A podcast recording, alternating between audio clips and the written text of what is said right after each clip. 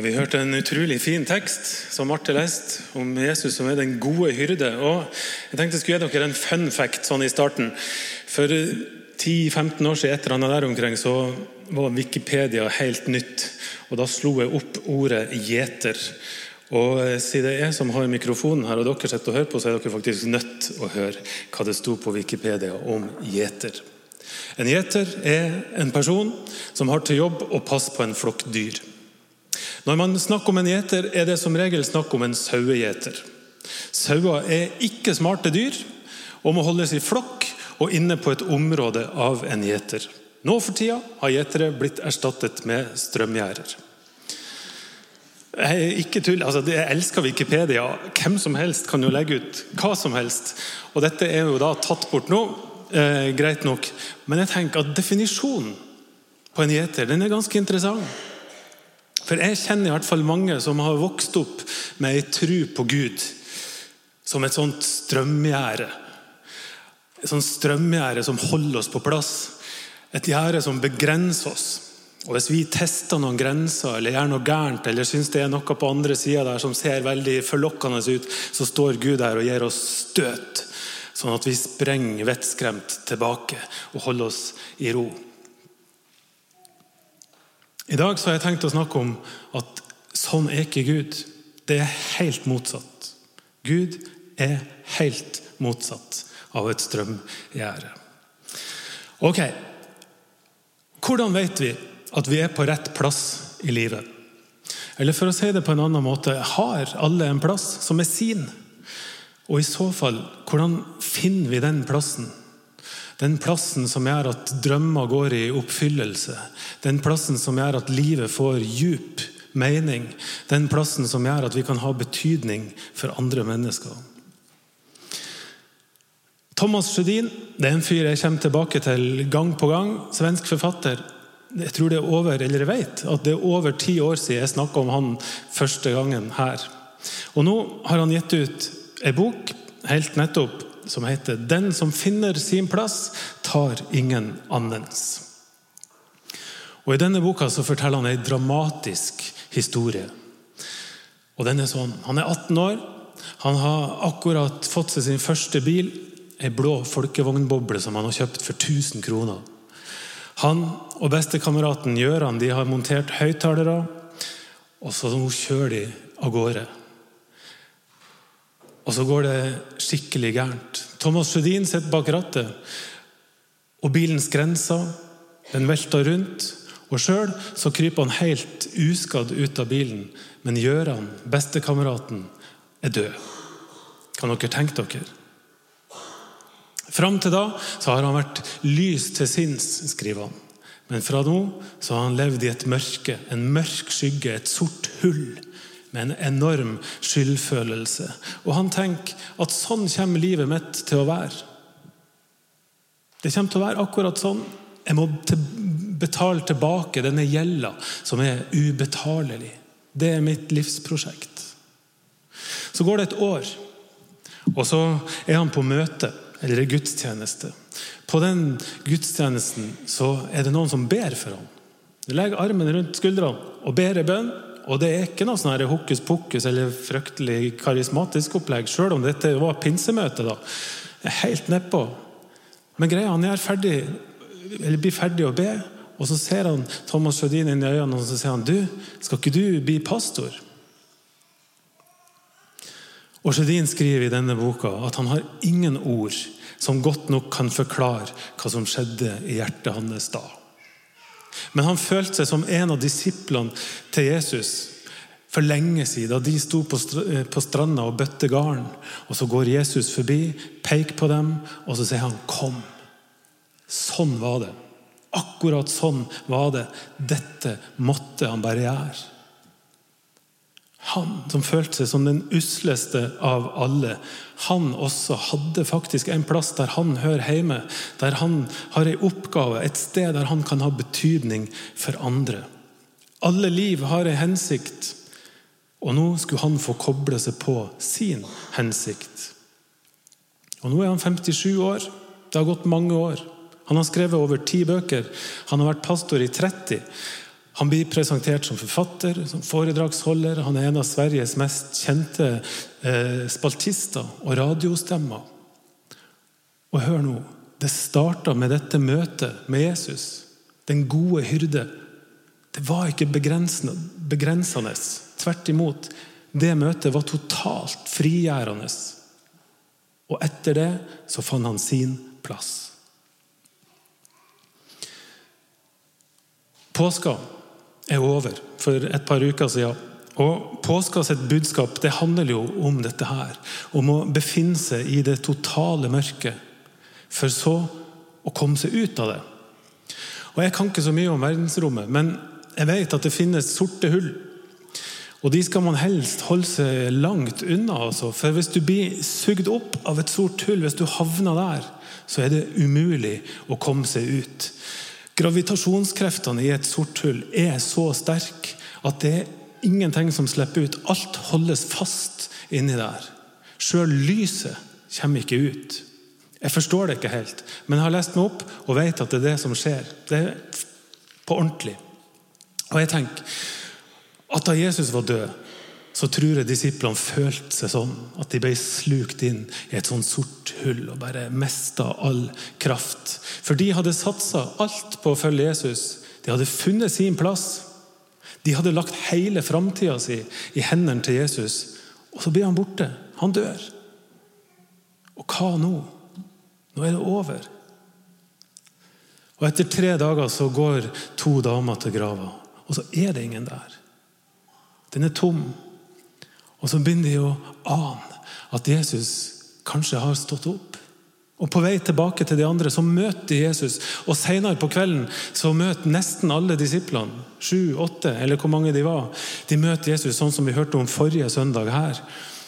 Denne merkelige historien om disiplene som er ute og fisker, og så står Jesus der ber de kaste garnet over på andre sida.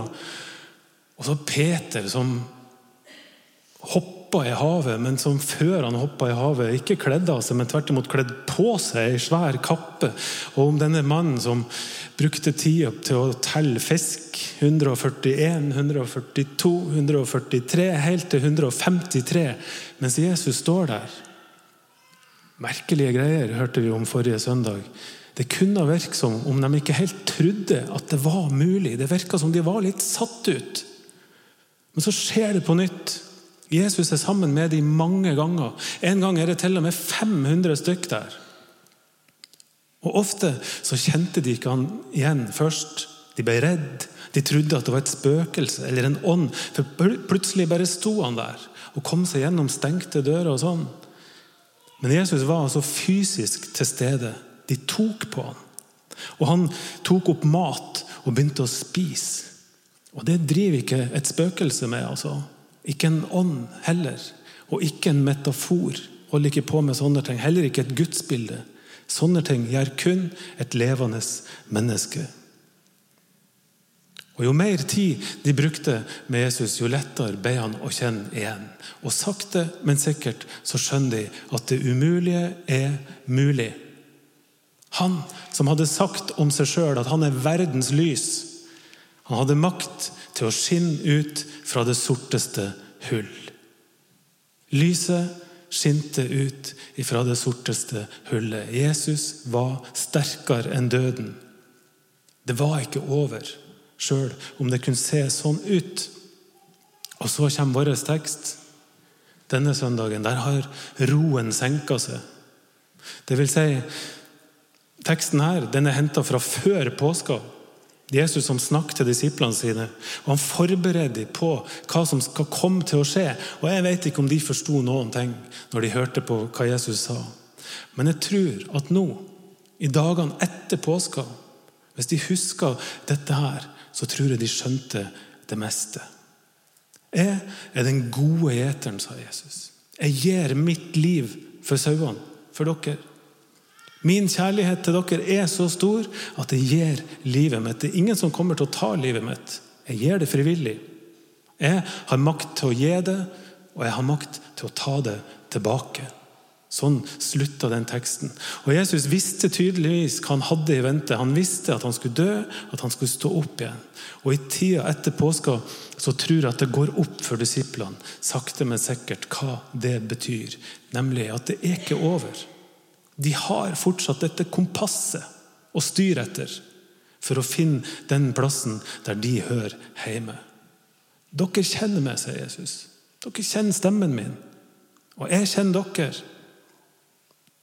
Det er mange stemmer der ute.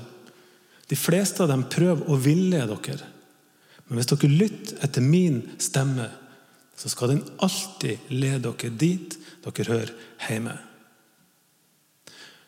Og Thomas Sjødin, i denne boka så skriver han om denne stemmen. For jeg vet ikke hvor mange år siden, to, tre, fire, et eller annet der, så ble han spurt om å lede et nytt arbeid i den kirka som han jobba i Gøteborg. Og Det arbeidet var å dele ut mat til fattige.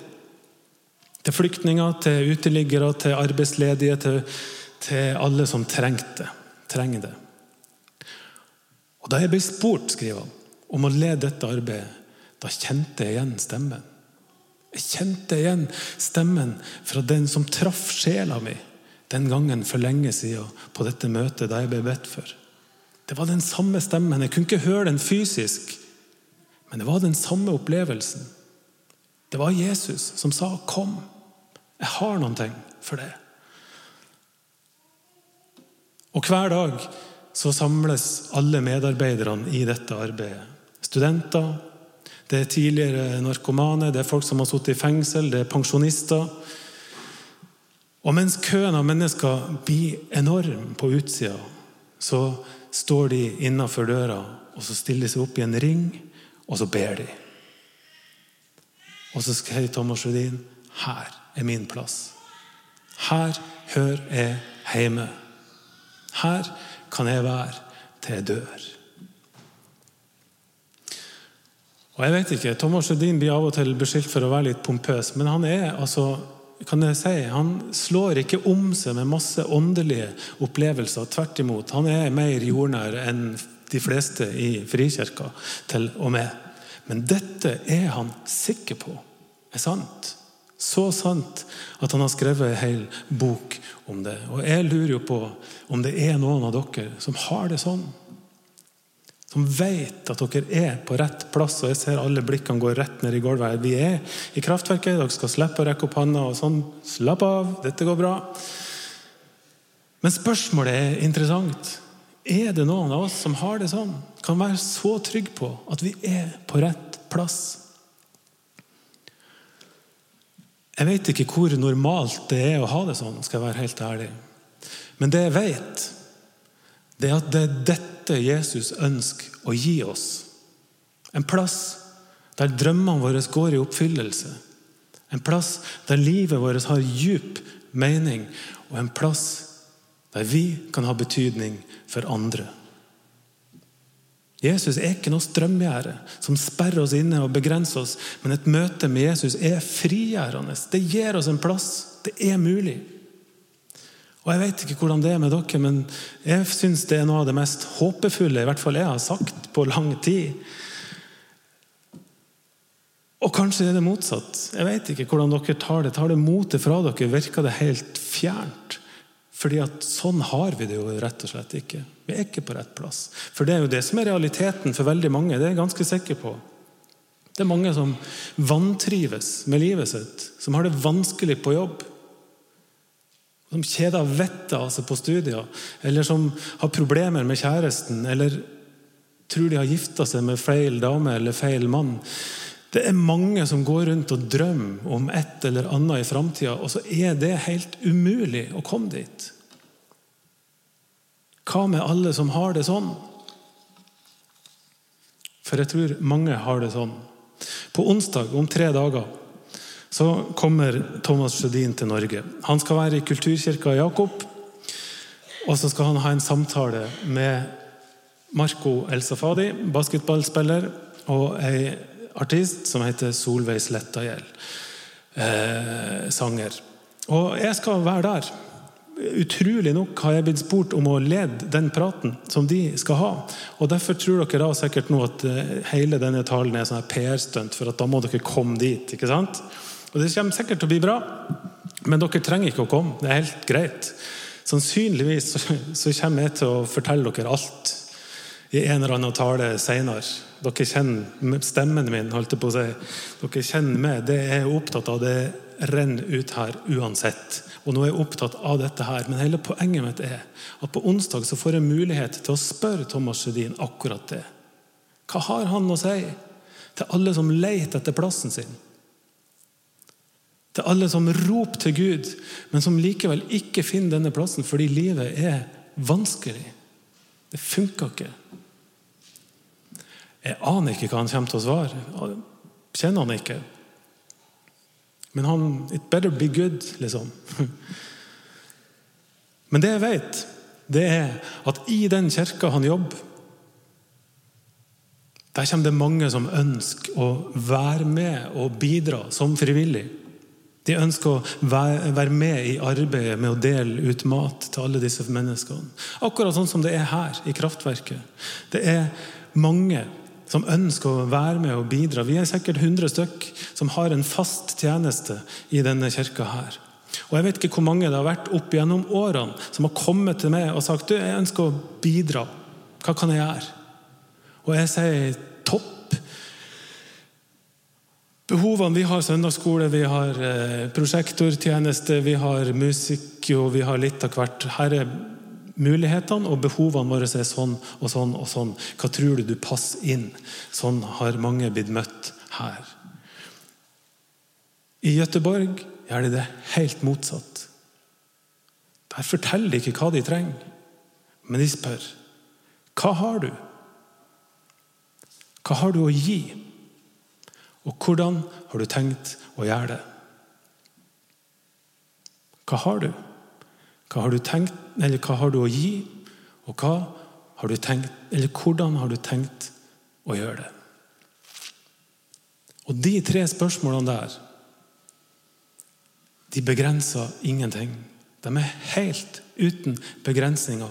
Du må ikke passe inn i andre sine mønster, men du blir bedt om å gjøre det hjertet ber deg om å gjøre. I håp om at sånn finner du plassen din her. Og jeg kan love dere at hvis noen av dere kommer til meg og sier du, jeg har lyst til å bidra i kraftverket Fra nå så skal dere bli møtt med de tre spørsmålene. Hva har du? Og hva har du å gi? Og hvordan vil du gjøre det? Og Kanskje er det ikke vanskeligere enn som så. Kanskje er det overførbart til resten av livet. Jeg vet ikke. Det er ikke alle sammenhenger som setter folk fri. Men jeg har så lyst at i denne kirka så skal vi gjøre det. Jeg drømmer om at denne kirka skal være denne arenaen der folk finner plassen sin. Og der stadig flere opplever at deres drømmer går i oppfyllelse. Og der stadig flere erkjenner at livet mitt har djup mening. Og der vi sammen kan ha betydning for andre. Det er min drøm om denne kirka her. Og det er mulig. Jeg tror det er mulig.